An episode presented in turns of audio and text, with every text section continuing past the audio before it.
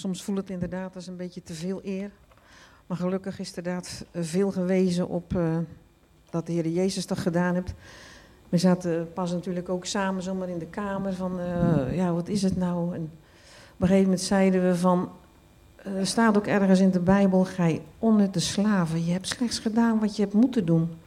Ik vind onnutte slaaf vind ik wel een beetje minder leuk, maar in een andere vertaling stond het iets leuker, maar die weet ik even niet meer. Dienstknecht. Oh, een dienstknecht, ja, een dienstknecht. Maar inderdaad, we hebben slechts gedaan wat we moeten doen.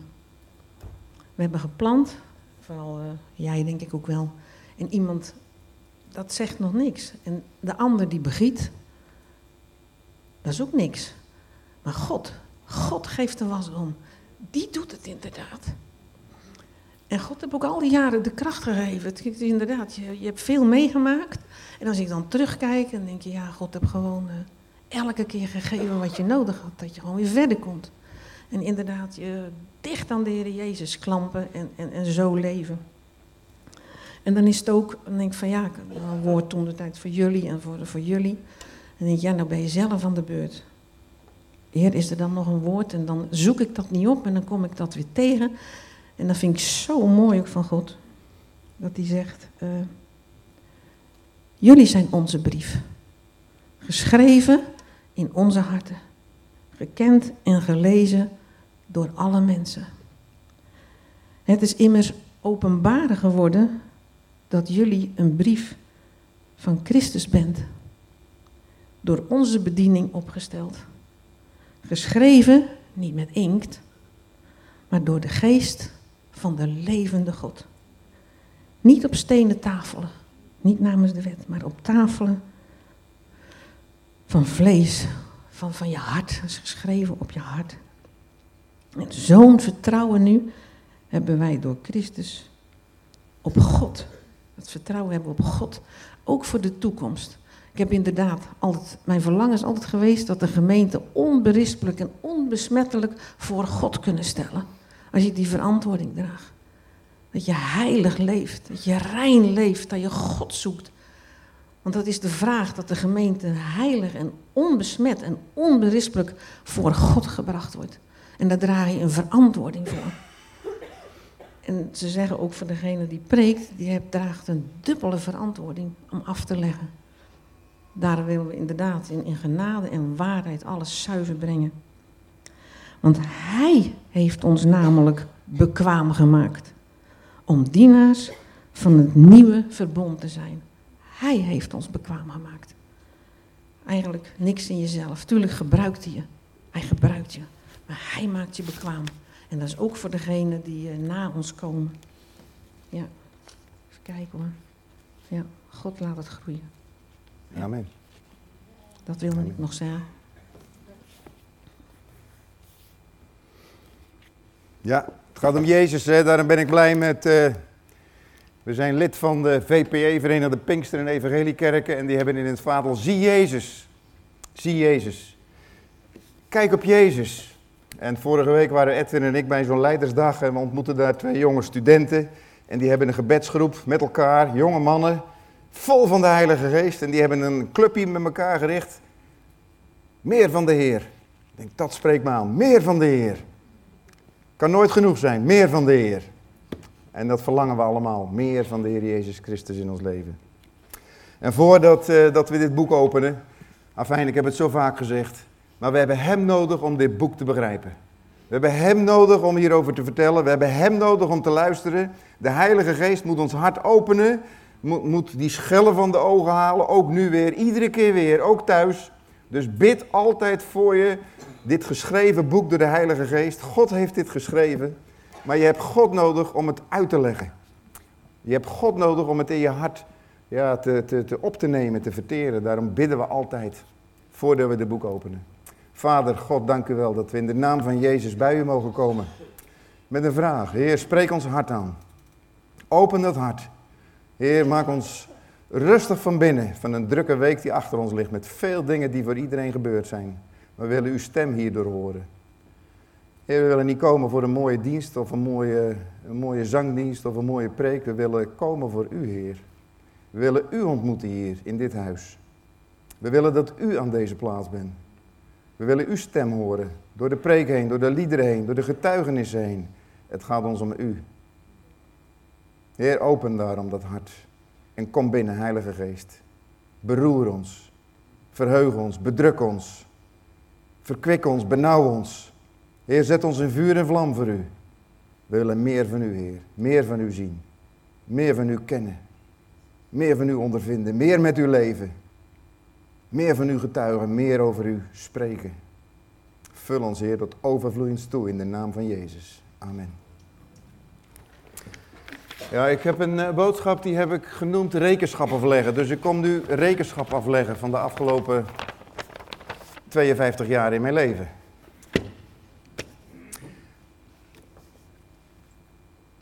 Dus ik ga gewoon ook wat vertellen van mezelf. Ik ben geboren in een gezin. Mijn vader stierf toen ik drie jaar was. En ik heb een broer die acht jaar ouder is dan ik, mijn grote voorbeeld. En die ging studeren in Delft. En als hij dan het weekend thuis kwam, dan kwam ik als jongetje, dan kwam hij weer, dan stond hij in de deuropening, dan rende ik naar hem toe, ik klop tegen hem op, ik sprong op zijn schouders en dan was het altijd vechten. Tot wanneer? Dat ik ging janken, want dan deed hij me zeer en dan was het feest weer afgelopen. Maar ieder weekend was dat weer, iedere keer weer. Dus hij is mijn grote voorbeeld. Maar hij kwam op een dag thuis en zei, jongens, het is allemaal flauwekul hoor, we houden elkaar voor de gek. Dadelijk valt hij eraf, dankjewel. We houden elkaar voor de gek, God bestaat niet. Hij werd atheïst en hij trouwde met een atheïstische vrouw. Hij ging naar het buitenland. En uh, later, toen ik ging studeren, ik was 19 jaar, toen dacht ik, ja, ik weet wel wat uit die Bijbel, maar wat ik in die Bijbel lees, dat zie ik niet in mijn eigen leven. Ik zie het niet in mijn kerk en ik zie het nergens eigenlijk. En toen heb ik God uitgedaagd. God, die ik niet kende, ik weet niet eens of God bestaat als ik hem niet ken, toch? Ik heb verhalen gehoord, net als de Sinterklaas. Een van de redenen waarom mijn broer atheïst geworden is, hij zei, ja vroeger geloof ik in de Sinterklaas en dan kom je tot bezinning en dan bestaat hij niet. Ik heb geloofd in een leugen, zoals met christelijk geloof ook. En toen dacht ik, ja, als mijn broer gelijk heeft, is het zo slecht voor de mensheid. Dan, dan, ik ben iemand van alles of niks. Dan ga ik het bestrijden, dan, dan ga ik er tegenin vechten, want dan is het heel slecht. Dan is het opium voor het volk, dan heeft Nietzsche gelijk van, jongens, het is kwaad. Geloof, religie is kwaad. En ik heb God uitgedaagd, denk ik. Ik weet niet of het mag, ik heb gezegd, God die ik niet weet of niet ken. Ik weet niet eens of dat u bestaat. Maar als u bestaat, wil ik geloven zoals dat boek zegt. Zoals dit boek zegt. Dan wil ik alles wat erin staat. En drie weken later hadden we een jonge gastspreker, Victor van Heusden van Joes voor Christ. En die had een uh, tekst, volgende tekst had hij. En daar sprak hij over. Wie in mij gelooft, gelijk de schrift zegt, stromen van levend water zal uit zijn binnenste vloeien. Dat had ik nou net gezegd. Als ik geloof, wil ik geloven zoals de schrift zegt. Maar goed, het is gewoon inkt op papier. Maar God raakte mijn hart aan door dat vers. En ik stond ondersteboven, van binnenste buiten. Ik ging alle flats langs in mijn dorp waar ik woonde, Schravendeel. En dan belde ik aan en dan zei ik, weet u dat God bestaat, Jezus leeft. En ik kan me nog één reactie herinneren van een mevrouw die zei, ach jochie, als ik dol ben, ben ik voor de wurmen. Boem, deur dicht. Maar dan ging ik gewoon naar de volgende deur en de volgende deur. En ik wist ook waar mensen samenkwamen, was op het voetbalterrein. Dus wat deed ik? Ik ging naar het voetbalkantine. En daar begon ik te vertellen dat Jezus leeft. Fijn, heel veel over te vertellen. Ik ging naar mijn ouderlingen toe. Ik zeg, wil je met me bidden? Nee jongen, wij bidden, dat, ik ben geen bidmachine. Ik teleurgesteld. Ik las met nog een andere jonge man die ook de Bijbel ging lezen. En we kwamen tot levend geloof. Ik ging naar mijn ouderlingen toe. Ik zeg, ik ben toch geloof gekomen. Ik wil gedoopt worden. Ik heb in de Bijbel gelezen, als je toch geloof komt, de Heilige Geest krijgt, moet je gedoopt worden. Hij zei, nee jongen, dat doen we hier niet als in Siberië. Dat zijn baptisten. En zo heb ik dat nog 15 jaar uitgesteld in mijn leven. Maar dit was een groot moment in mijn leven. Eigenlijk begon mijn geestelijk leven 52 jaar terug. Zo is dan wie in Christus is een nieuwe schepping. Het nieuwe is gekomen. Het oude is voorbij. Ik hoop dat u dat kent. Dat het nieuwe gekomen is. Ik weet ook dat andere mensen zijn langzaam gegroeid naar Jezus toe. Ik ken ook mensen die niet deze ervaring hebben die ik heb, maar toch een kind van God zijn. En later dacht ik, toen ik in Tolen kwam, toen al die criminelen tot bekering kwamen, dank u Heer dat ik, dat ik toch iets meegemaakt heb. Dat ik die mensen een beetje kan begrijpen die in de sloot lagen, die crimineel waren en nu een ander leven hebben. Ik had een compleet nieuw leven zittend in de kerk. Kan nooit gevloekt, kan nooit gestolen. En toch dat nieuwe leven, 100%. Ja, volgende plaatje. Ja, 1984. Het is het jaar 1984, dacht ik. En Ad en Vrouwke die er zitten, Wij waren jeugdleiders, tienerleiders in Zwijndrecht in de Christelijk Gereformeerde Kerk. Hij zei, joh, ik ken een schipper, die is toch geloof gekomen, heeft zijn boot verkocht, is naar de Bijbelschool gegaan en is evangelist in België geworden, Rinus Pieper. Ik zei, nou, die hebben een boerderij, daar gaan we naartoe hè, met de jeugd. Ah, goede oude tijd hè. Altijd voer op een schip en dan gingen we één keer per jaar. Ja, tieners, moet je opletten hoor. Dan gingen we met een, met een zandschip en er werd een tent over gebouwd. En dan gingen we naar de Biesbos met allemaal uh, roeiboten erachteraan. En de tieners die vochten, wij willen, mogen op ons negende al naar de tieners. En dan moesten ze met de zestiende moesten er vanaf en zeiden, mogen we blijven bij de tieners. Dus gingen we daar naartoe. Volgende plaatje. En toen hoorde ik Rieders uit de Bijbel uitleggen en dat was precies mijn leven. Hij vertelde hoe ik geloofde, hoe, hoe God in mijn leven kwam. Hij bracht het onder woorden. En we kregen contact met hen. En uh, is er nog een plaatje? Oh ja, die blonde, zie je die er zitten? Dat is Annemarie, met wat pieperianen. Trouwens, uh, even nog twee, twee terug. Kan je er nog even twee terug? Ja, die groep. Daar zit Mario, Johnny, David. Dus onze levens, ook met de familie Pieper, is nogal uh, langdurig en door hoogte en door diepte heen gegaan. Ja, we gaan even verder weer. Ja, dus dat is een beetje geschiedenis, hoe God mensen soms bij elkaar brengt. Volgende plaatje. Die u roept is getrouw. Ik kreeg een dooptekst. Uiteindelijk, na 15 jaar, werd ik toch gedoopt in Terneuzen, het zwembad. Toen kreeg ik deze tekst. Die u roept is getrouw, hij zal het ook doen. En als ik terugkijk in mijn leven, ik weet niet of dat jij jouw dooptekst nog kent, maar ik heb gezien dat heel vaak doopteksten een levensbetekenis hebben. Dit is waarheid. Dit is waarheid. Maar er gebeurden nog meer dingen. Volgende plaatje. Er gebeurde hier in West-Brabant nog iets. Dat is Riet. Riet van der Aarsen, de vrouw van Willem, de moeder van Christen, Roberto. En uh, Willem is nog geen gemiddeld iemand. Maar voordat hij tot bekering kwam, was hij buitengewoon bijzonder, laat ik maar zeggen. Ik heb andere woorden bedacht, maar die zijn niet zo positief. En Riet in haar nood, katholieke vrouw, is op de knieën gegaan omdat ze het niet meer zag. In de badkamer, in die hoek daar links. En in die hoek zag ze twee engelen. En daar heeft ze haar hart uitgestort voor God en God heeft dat gebed verhoord. Die engelen hebben het gebed meegenomen naar boven. God begon toen een opwekking hier in West-Brabant. En ik werkte op een fabriek in eh, Bergen op Zoom. En ik was een fabriek aan het bouwen in Tilburg. En ik was een huis aan het bouwen in Tolen. Ik was een beetje druk. En Machteld die ging naar een bijbelstudie in Poortvliet. En ze kwam op een avond terug en ze zegt, weet je wie ik nou gezien heb? Die Willem Antiek met twee volwassen zonen, alle drie met een splinternieuwe bijbel. En mijn eerste reactie was, onmogelijk. On, maar God doet onmogelijke dingen. En daar is een opwekking uit ontstaan. En God die bracht Rinus en Willem en mij bij elkaar. En Willem harkte de mensen binnen van de straat. En Rinus deed het woord open op een dusdanige manier dat ik nooit een prediker gehoord heb eigenlijk, hoe mooi de predikers ook zijn, die voor mijn hart in ieder geval het zo duidelijk konden uitbrengen. En ik organiseerde de rest eromheen. En we zagen mensen die tot bekering kwamen, die stuurden we naar gewone kerken. En het pakte niet. Het hield geen stand. En voor mij werd toen dat vers dat de Heer Jezus zegt, jonge wijn moet je in jonge zakken doen. Want we zagen het gewoon leeglopen. En toen is er in 1989, 88, 89 zitten we intussen uh, bij ons in de huiskamer zijn we maar mensen gaan verzamelen dat ze in ieder geval onderdak hadden. En niet meer dat de wijn verloren ging en het stuk kleed afscheurde. En toen hebben we gesprek gehad met onze oudste kinderen, André en Annemarie. Wij wonen in Tolen, een reformatorisch dorp. Jullie zitten op een reformatorische school. Maar als wij hier een kerk beginnen, dan moet je er rekening mee houden dat jullie gepest gaan worden op school. Dat je uitgelachen geworden. Zijn jullie bereid als kinderen om die prijs te betalen? En toen zeiden ze alle twee, ja, wij beseffen dat. Dat het een kostprijs is om een kerk te stichten in een stadje als. Dus nog, dankjewel Annemarie dat jij erbij was. Als namelijk onze kinderen gezegd hadden, of Machteld gezegd had, nee, dat zien wij niet zitten, dan was dat niet begonnen. Maar goed, de tijd gaat verder. Volgende plaatje. Dit kreeg ik op een kerstkaart zonder afzender. Nou, dat is toch een rare tekst om het kerst te krijgen. Ik denk, toen de Heer mij dit onthulde, begonnen mijn lippen te trillen. Ik beefde van binnen en mijn botten doen nog pijn. Nog wankel ik op mijn benen. Dit zou je als kerstkaart krijgen. Wat bedoelde je er nou mee? En ik snapte daar eigenlijk niks van. Maar kort daarna, toen... Uh, ja, volgende plaatje.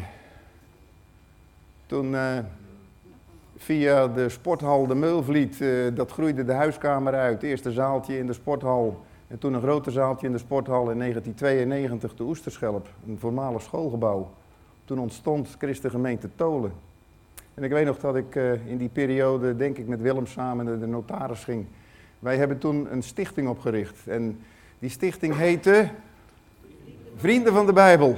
Want dat woord van God wat open ging, dat was zo hartverwarmend, zo krachtig.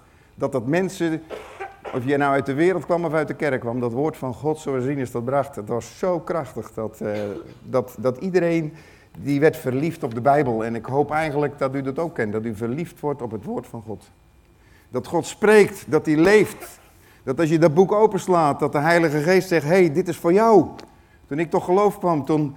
Ik had die Bijbel natuurlijk vaak zat gewoon lezen op, op zonderschool gehoord, maar ik begon te lezen in Genesis. En weet je wat er in de eerste bladzij van de Bijbel staat? Mijn naam.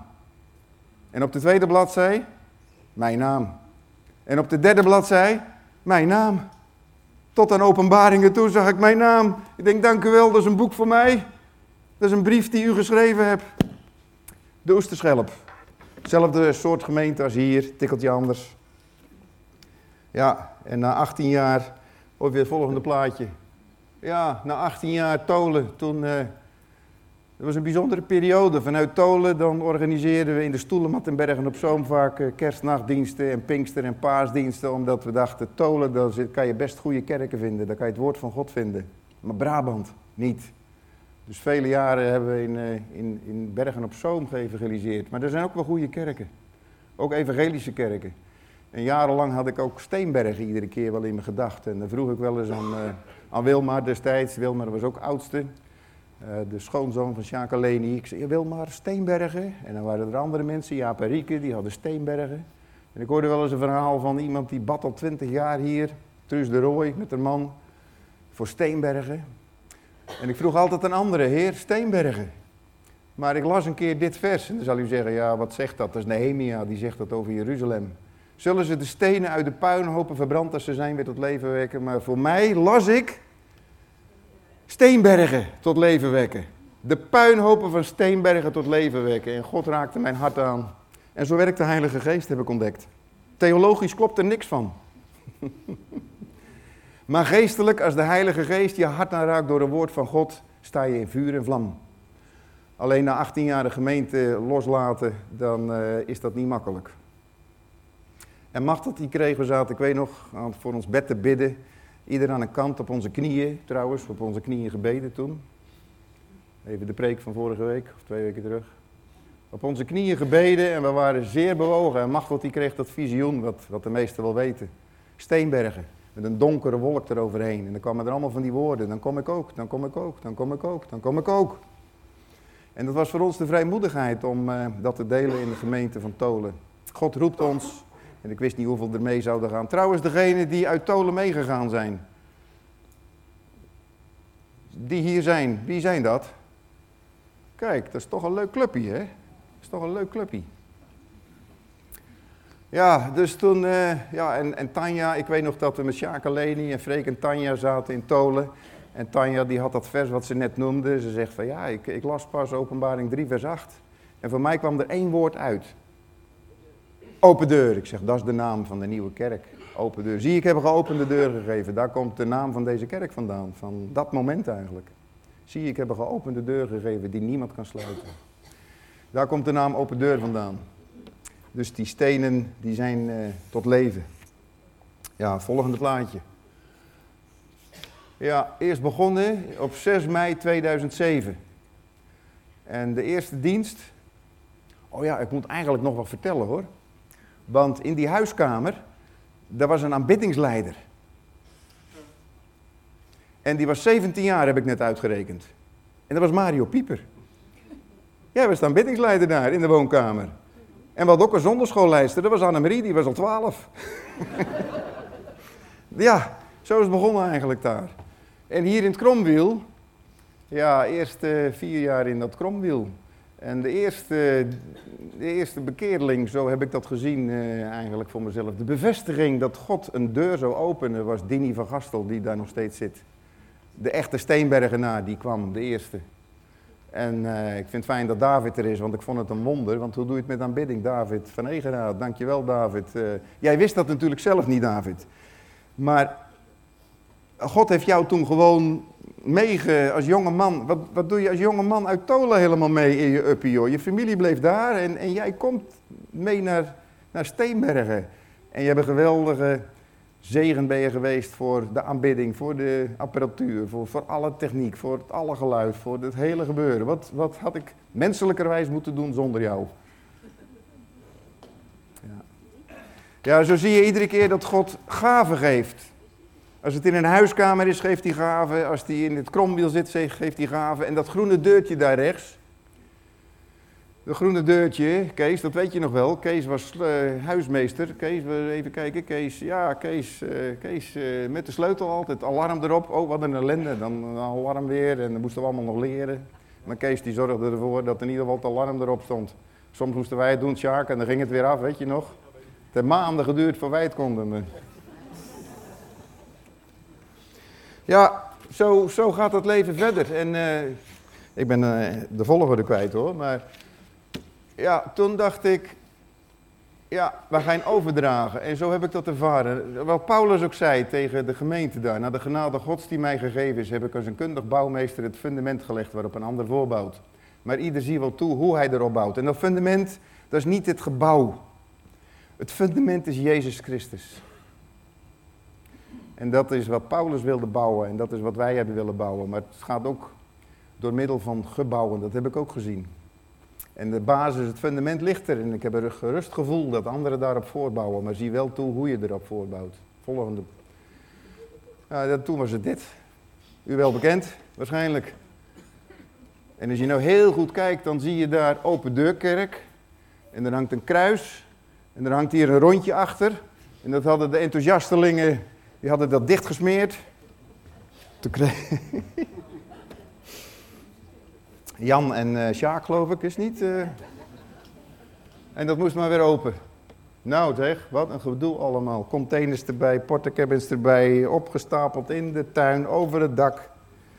En uh, ja, dit gebouw, en ik zie Von daar zitten. En Jos, ik weet nog, hier stond een muur vroeger zo, zo'n hele dikke muur. En ik zie die man, ik denk, oh.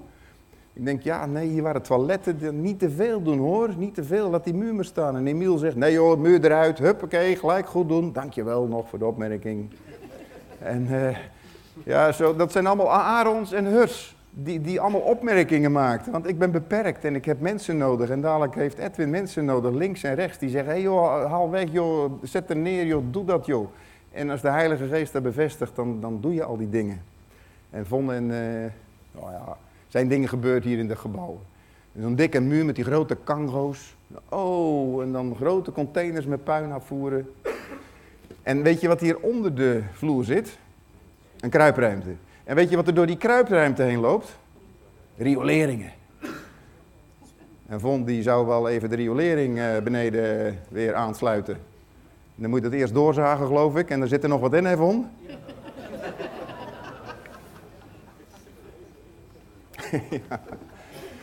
en als je de herentoilet in komt, loop je gelijk tegen een, schuin, tegen een muurtje aan. Een mooi muurtje wat betegeld is. En ik had dat gezet, alleen liep dat helemaal rond zo. Dus uh, mijn gave talenten liggen op een ander terrein. Maar Von heeft hem toch helemaal strak weer gekregen. Hè? Dus, uh... ja, er is wat afgesjouwd hier. We kregen een keer, Lia, ben je er ook toevallig of is Lia er niet? Lia die had een, uh, een faillissement een, uh, bruidswinkel in Rotterdam uh, gekocht. Althans de inboedel. Sjaak Leni en Piet en nog wat geloof ik zijn er mee geweest. Vrachten vol met spullen uit die bruidswinkel. En overal vind je hier nog dingen en herinneringen uit de bruidswinkel. Wat een toestand. Er zat een lift in, twee verdiepingen. Het heet. En ik ga met die lift naar beneden en die stopt halverwege zeg. Vreselijk. Eigenaar niet te vinden. Wat hebben we wat afgesjouwd? Tegels leggen, vloertegels. Tegenwoordig laten ze dat doen als het weer gebeurt, maar wij moesten al die tegels zelf leggen en snijden. Hè? Vroeger, Sjaak, en plinten en, en, alles zelf, alles zelf, alles, alles. Goed, Dus fundament. Volgende plaatje, wat staat daar? Als ik voor u bid, lieve mensen, broeders en zusters van de gemeente, dit geldt voor u. Als ik voor u bid over de geweldige medewerking, nee, dan is mijn hart vol vreugde over de geweldige medewerking die u hebt gegeven. En het bekendmaken van het goede nieuws vanaf de dag dat u het voor het eerst hoorde. Broeders en zusters, blijf daarom standvastig in de Heer. Ik verlang erg naar u, omdat u een speciale plaats in mijn hart hebt. U bent mijn vreugde en de kroon op mijn werk. Niet dit gebouw, maar u bent die vreugde. Regelmatig pak ik dat adressengidsje en dan ga ik de gids na. En dan gaan al uw namen door mijn ziel heen. En al die namen die door mijn ziel heen gaan, ik ken iedereen, ik ken waar die vandaan komt. Ik weet de problemen, ik weet de vreugde, ik weet de moeite. En dan denk ik aan u allen. En Paulus kende dat. Ik herken me wel een beetje in de dingen die Paulus schrijft. Als ik voor nu denk, is mijn hart vol vreugde over de geweldige medewerking. We waren hier aan het bouwen, we waren net bezig, zes maanden lang. En in één keer komt er een jonge man, die stelt zich voor en zegt, ja, mevrouw komt hier en eh, is er wat te doen? Eh, Timmermans de kleren aan. Hij had zijn vrouw wel zien veranderen. En er was Corné, die zit er nou midden achter. Hé hey, dit is wat, dat, dat eigenlijk een ongelovige Thomas, die komt daar binnen en die komt gewoon helpen, die komt zijn hulp aanbieden. Ik wist niet wat ik hoorde. Dank u Heer, dank u Heer. Maar de mooiste vrucht is natuurlijk dat, uh, en oh ja, ik, ik heb het pas over je geroddeld, uh. Want dan zie ik jou soms staan in aanbidding, dan denk ik, Heer, het is zijn relatie met u, dank u wel. Het gaat me niet om de techniek, om de gaven die je doet, de inzet die je doet, het gaat mij om je relatie met de Heer Jezus. En als ik dat dan zie, dan wordt mijn hart blij dat jij een relatie met Hem hebt. Ja, volgende vers. Want voor wie leven wij? We geven ons hoop. Wie geven we ons hoop en blijdschap? Wie zijn onze trots en beloning? Dat bent u, lieve gemeenteleden. Ja, u die geeft ons een grote vreugde, zult geven als wij bij zijn terugkeer samen voor de Heer Jezus staan. Ja, daar moet ik aan denken. We hebben zo'n mooi lied gezongen, 682. En het oog van de wereld zal dan zijn gericht op de mensenzoon. Er komt een dag dat ik voor de rechterstoel van Christus zal verschijnen. U ook.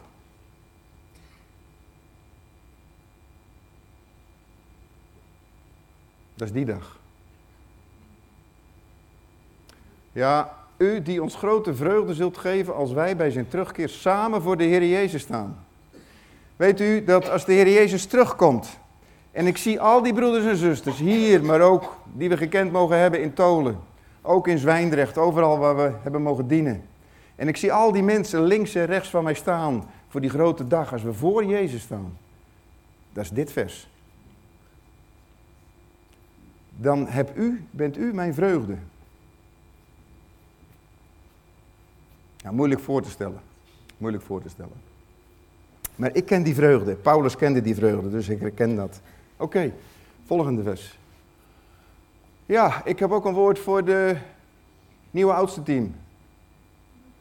Pas goed op uzelf en op de kudde.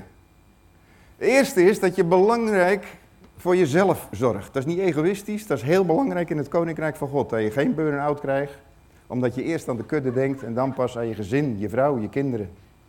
En uh, we hebben in het uh, oudste team hebben we twee, uh, twee jonge oudsten zitten die alle twee uit zo'n uh, zendelingen, zo'n voorgangersgezin komen en gezien hebben uh, wat voor een prijs dat er betaald moet worden als je voorganger bent of oudste in een kerk. En daarnaast heb je nog werk en moet je allerlei dingen doen.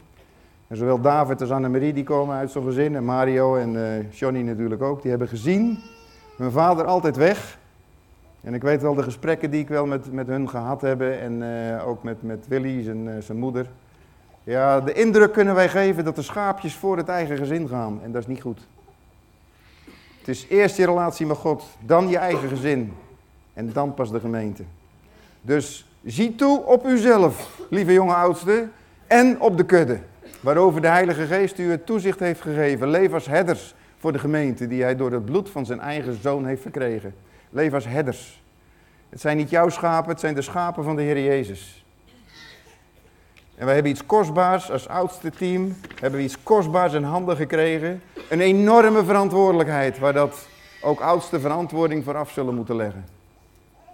Wat ik wil u dringend vragen, is dit. Wees goede herders voor de kudde van God. Doe dat niet omdat nou eenmaal moet, maar omdat u het graag wilt doen. En dat is het bijzondere. Het is een, een vreugde. Leiding geven aan een christelijke gemeente is het allermoeilijkste leiderschap wat er op aarde bestaat. In het leger is het simpel. De generaal bepaalt en het voetvolk dat moet volgen. In het bedrijfsleven is het uh, iets minder simpel. Daar heb je een directeur met een ondernemingsraad, daar moet hij met je rekening mee houden. Maar uiteindelijk bepaalt gewoon die directeur toch wel wat er gebeurt. In de sociale wereld is het nog wat democratischer. Maar in de kerk zijn we allemaal gelijk. En de oudste en de voorganger die, die geven leiding door te dienen. Door een voetveeg te zijn, zegt Paulus. Het moeilijkste leiderschap wat er is. Wees goede herders voor de kudde, jonge oudste. Volgende plaatje. Probeer niet de baas te spelen over de mensen die u zijn toevertrouwd, maar wees een voorbeeld voor hen. Wees een voorbeeld. Doe het voor en hoop dan dat ze je volgen. Dus als straks uh, een van de oudsten zeg maar een kopje koffie aan een ander geeft, of uh, stoelen neerzet, of tegels gaat leggen hier, of muren gaat schilderen hier, of plinten gaat maken, of weet ik veel wat hij gaat doen, kijk en doe als zij. Als zij je morgens om zes uur al beginnen om dingen te doen, doe als zij. Als zij hier op iedere bid stond zijn, doe als zij. Oké, volgende. Gehoorzaamt uw voorgangers en onderwerpt u aan hen. Oei. Staat dat nou ook in de Bijbel, dat ik als gemeentelid me moet onderwerpen? Daar ben ik op tegen, want ik ben Nederlander. Ik laat niemand de baas over me zijn. Ik ben heel vroom. Ik zeg, God is mijn baas. Ik luister niet naar voorgangers en oudsten. Heel Nederlands is dat. Maar de Bijbel zegt, onderwerpt u aan hem, want zij zijn het die waken over uw zielen. Waarom? Daar zij rekenschap zullen moeten afleggen. Weet u dat het oudste team, de voorganger, dat die voor de troon van God rekenschap af moeten leggen wat ze gedaan hebben in deze kerk? Daarom moet een oudste team ook weten over welke mensen ze verantwoording af moeten leggen. Daarom hechten wij eraan dat het duidelijk is dat je lid bent van deze gemeente of geen lid, gast, bezoeker, weet ik veel wat. Er moet een grens zijn. Ik kijk vaak die, die gids na en dan weet ik dat er mensen niet in die gids staan. Ben ik nou verantwoordelijk voor die ziel of niet? Ja, maar iemand die komt één keer in de maand. Ja, ben ik dan verantwoordelijk voor die ziel? Iemand komt wel twee keer in de maand. Waar ligt de grens dat een oudste verantwoordelijkheid naar God af moet leggen voor jouw ziel? In onze kerk is dat wanneer je je handtekening zet. En mensen zeggen, ja, maar mijn woord is toch genoeg. Die mensen heb ik ook gehad. Ik, ik geloof me nou maar, het is goed. En dan lees ik in het boek Nehemia, trouwens Nehemia, het spoorboekje om een gemeente te stichten. Degene die ambities hebben, lees het boek Nehemia. Je ziet precies hoe dan een gemeente gesticht moet worden. En er staat in dat degene die zeiden wij willen meedoen, die zetten hun zegel eronder bij Nehemia. En het hele Oude Testament staat vol met geslachtsregisters, met lijsten. En dan gingen ze het volk tellen. En dan waren er mensen die niet konden bewijzen dat ze bij het volk hoorden. En die mochten niet meedoen als het op het puntje bij het paaltje kwam. En uh, ik sprak net hiervoor, oh dat ga ik toch even vertellen, ik heb nog één minuut. Maar Ad is lid van de jachthavenclub in Dinteloord. Weet je dat ook weer? Dan zal hij wel een jacht hebben. Maar als je daar lid wordt, dan moet je eerst uitgenodigd worden voor een gesprek. En bij dat eerste gesprek word je even onder je pet gekeken, wat voor type je bent. Want misschien steek je wel alle boterlek, weet ik veel. Dan heb je een VOG van uh, topper uh, boterleksteker. Dus je wordt eerst eventjes grondig doorgelicht voor je lid mag worden van de boterclub van Dinteloord. Maar het tweede is, wil jij lid worden? Dan vier keer per jaar roosteren we jou in om te dienen. Ik denk, dat is een goede tip voor het nieuwe oudste team. Word je lid, we roosteren je vier keer per jaar in, bij de zonderschool, bij de poetsploeg. Ik denk dat je er gelijk mee moet beginnen. Ik niet meer natuurlijk. Maar ik vond het wel een goed idee. Rekenschap afleggen, lieve mensen. En de vraag aan jou is, jij moet ook rekenschap afleggen. Hoe jij omgegaan bent met je oudste team, met je voorganger. En die mensen hebben nooit altijd gelijk. Het zijn ook mensen van vlees en bloed. Maar het is wel een verantwoordelijkheid voor een gemeentelid hoe die bidt voor zijn oudste team, voor zijn voorganger. We moeten allemaal rekenschap afleggen, zegt de Bijbel. Moeten allemaal openbaar komen. Volgende vers. Wij verzoeken uw broeders en zusters, hen die onder u zich moeite getroosten, die u leiden in de Heer en u terechtwijzen te erkennen. En een zeer hoog te schatten in liefde om hun werk. Houd vrede onder elkaar. Dus dat is een boodschap, zowel voor het nieuwe oudste team als voor u als gemeente. Te erkennen en een hoog te schatten. En 1 Timotheüs 5 vers 17, ik denk, doe hem er ook nog maar bij. Voorgangers die hun werk goed doen, moeten door de gemeente onderhouden worden en met respect behandeld worden. En uh, het begrip tiende geven, dat is bij mij een heel ruim begrip hoor. Maar ik weet wel, als je het echt letterlijk zou doen, dat 1 op de 10 mensen uitgezonden zou kunnen worden in het evangelie. Dus allemaal 10% geven, kan 1 op de 10 dienen. Dat was bij de Levieten zo in het Oude Testament. De Levieten hadden geen inkomen verder. En uh, wordt even gezegd, het is tijd hoor, stoppen nou. De Levieten hadden geen inkomsten, maar die leefden van de tiende wat het volk opbracht. En dat was 1 op 12, want er waren 12 stammen. Dus, uh, maar goed, we hebben niet te klagen. En ik verwonder me al jaren over hoe God voorziet in deze kerk. Met name ook door mensen die geen lid zijn, dat mag u best weten. Ik denk dat ongeveer uh, ruim 30% van wat wij uh, opbrengen aan inkomsten komt van mensen die geen lid zijn van deze kerk, buiten de kerk staan. En ik zie dat voor mezelf als een groot wonder, want ik zit altijd in elkaar, ik wil het altijd rond hebben. Bij mij moet kloppen. Uh, deze kerk mag niet failliet gaan, weet je wel, zo zit ik in elkaar. Dus het, het, dat, dat is mijn zorg. Maar God heeft gezorgd voor de komende jaren dat deze kerk geen zorg hoeft te hebben. Hè? Oh ja, Freek meegemaakt. Ja, de collectezak. Ja, de collectezak. Ja, dat was nog in het kromwiel. En er zat iemand eh, naast Freek, dat moet ik toch even vertellen. Freek was vroeger bij de politie, dus kijk uit. Een ex-politieman. En er was iemand die, die, die dacht dat die collectezak langskwam om er wat uit te halen. Ik weet niet of hij het echt dacht, maar dat deed hij wel in ieder geval. En Freek had een slim plan bedacht om hem, de dader, te ontmaskeren. En die zat, eh, was naast hem gaan zitten op de achterste rij, zat die man altijd. Want voorin begon de collecte en dan naar achteren zat die zak het volst natuurlijk. En hij had een eh, briefje van tien of zo, had hij uh, gekenmerkt met een merk. En hij doet dat briefje van tien zo in die zak. En die man die ziet dat, dus die doet dat zo. Zo ging het ongeveer, hè? En maar goed, naderhand zegt hij, joh, je hebt een briefje van tien gepikt. En, ja. Dus, ja. dus kijk uit, lieve mensen, als je hier er wat uitpikt. Er is een agent in ons midden. Maar goed, het laatste vers, dat trof mij. Iemand had het net over Elia. Ja, die had een opvolger. En die heette Elisa en die ging die roepen. En er staat, toen Elia hem voorbij ging, wierp hij hem zijn mantel toe. We kennen dat, de meesten kennen die geschiedenis. En er staat er voor mij dan in ieder geval iets heel opmerkelijks. Daarop verliet hij de runderen, snelde Elia achterna en zei, laat me toch even mijn vader en mijn moeder kussen, dan wil ik u volgen. Hij zei tot hem, ga heen, keer terug, want wat heb ik u gedaan? En met name die woorden, wat heb ik je gedaan? En ik wil natuurlijk geen last op dat nieuwe oudste team leggen. Maar Machtel en ik hebben het er wel eens over. Wat doen we die jonge gezinnen aan, hè? We doen ze wat aan, hoor. Want er komt wat op je af, hoor. Ja, met vreugde, hè? Relax. Maar wat hebben we jullie aangedaan eigenlijk? Om een last Zo'n grote last. Maar goed, Jezus zegt, mijn juk is zacht, mijn last is licht. Maar het is een prijs die jullie gaan betalen. Die je gezinnen gaan betalen, die je kinderen gaan betalen. Trouwens geldt voor iedereen. De Bijbel zegt, iedereen die Jezus Christus wil volgen, zal vervolgd worden. Dus het is niet enkel voor een oudste team, maar wel, wel extra, denk ik. Iedereen die echt voor Jezus uitkomt, zal verdrukking ondervinden. Dat is het Nieuwe Testament. Ik las vanmorgen nog het Oude Testament. Je zal gezegend worden in je akker. Je zal niemand onvruchtbaar zijn. Er zal niemand ziek worden. Ik denk, heer, de zegen van u is toch niet goddelijke genezing, maar goddelijke gezondheid. Niemand zal ziek worden, staat er. Wauw. Dat is beloofde land. Daar komen we nog.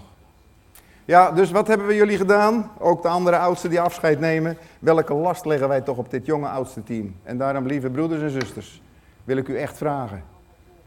Om in uw huis en in dit huis dat ons huis een gebedshuis zal zijn. Dat je je leiders zal dragen. Dat je je leiders zal respecteren en eren. Ook als ze soms je langs heen lopen. Ik ben een doelgericht iemand. En ik heb een keer meegemaakt dat uh, ik zoek mensen dan soms op als ze er de tijd niet zijn. En er was een echtpaar die, die dan toch een keer gekomen waren. En ik loop hier vandaan naar de balie omdat ik wat moet regelen. En die mensen denken, nou, uh, hey, je ziet ons, hè? we zijn er, hè? je hebt ons bezocht en nou, nou komen we toch weer, want we uh, vonden het wel fijn dat je even langskwam. En ik loop die mensen straal voorbij, ik ga gelijk wat doen en ze zijn nooit meer geweest, want ik liep ze voorbij. Oudste schieten ook tekort. En eh, als je een oudste bent die, eh, die heel veel drive heeft en dingen ziet, dan heb je het al gedaan voor tien anderen het gedaan hebben. En dan moet je ook weer leren als oudste om te zeggen, ik doe het niet. Want dan loop je mensen weer voorbij. En er zijn dingen die zouden moeten gebeuren en die gebeuren niet. En iedereen ziet dat. Waarom doen ze er niks aan? Ze, weet je wel, ze. ze. Nou, als jij vindt dat ze er wat aan moeten doen, dan weet ik dat de Heilige Geest jou aanroept om er wat aan te doen. Oké?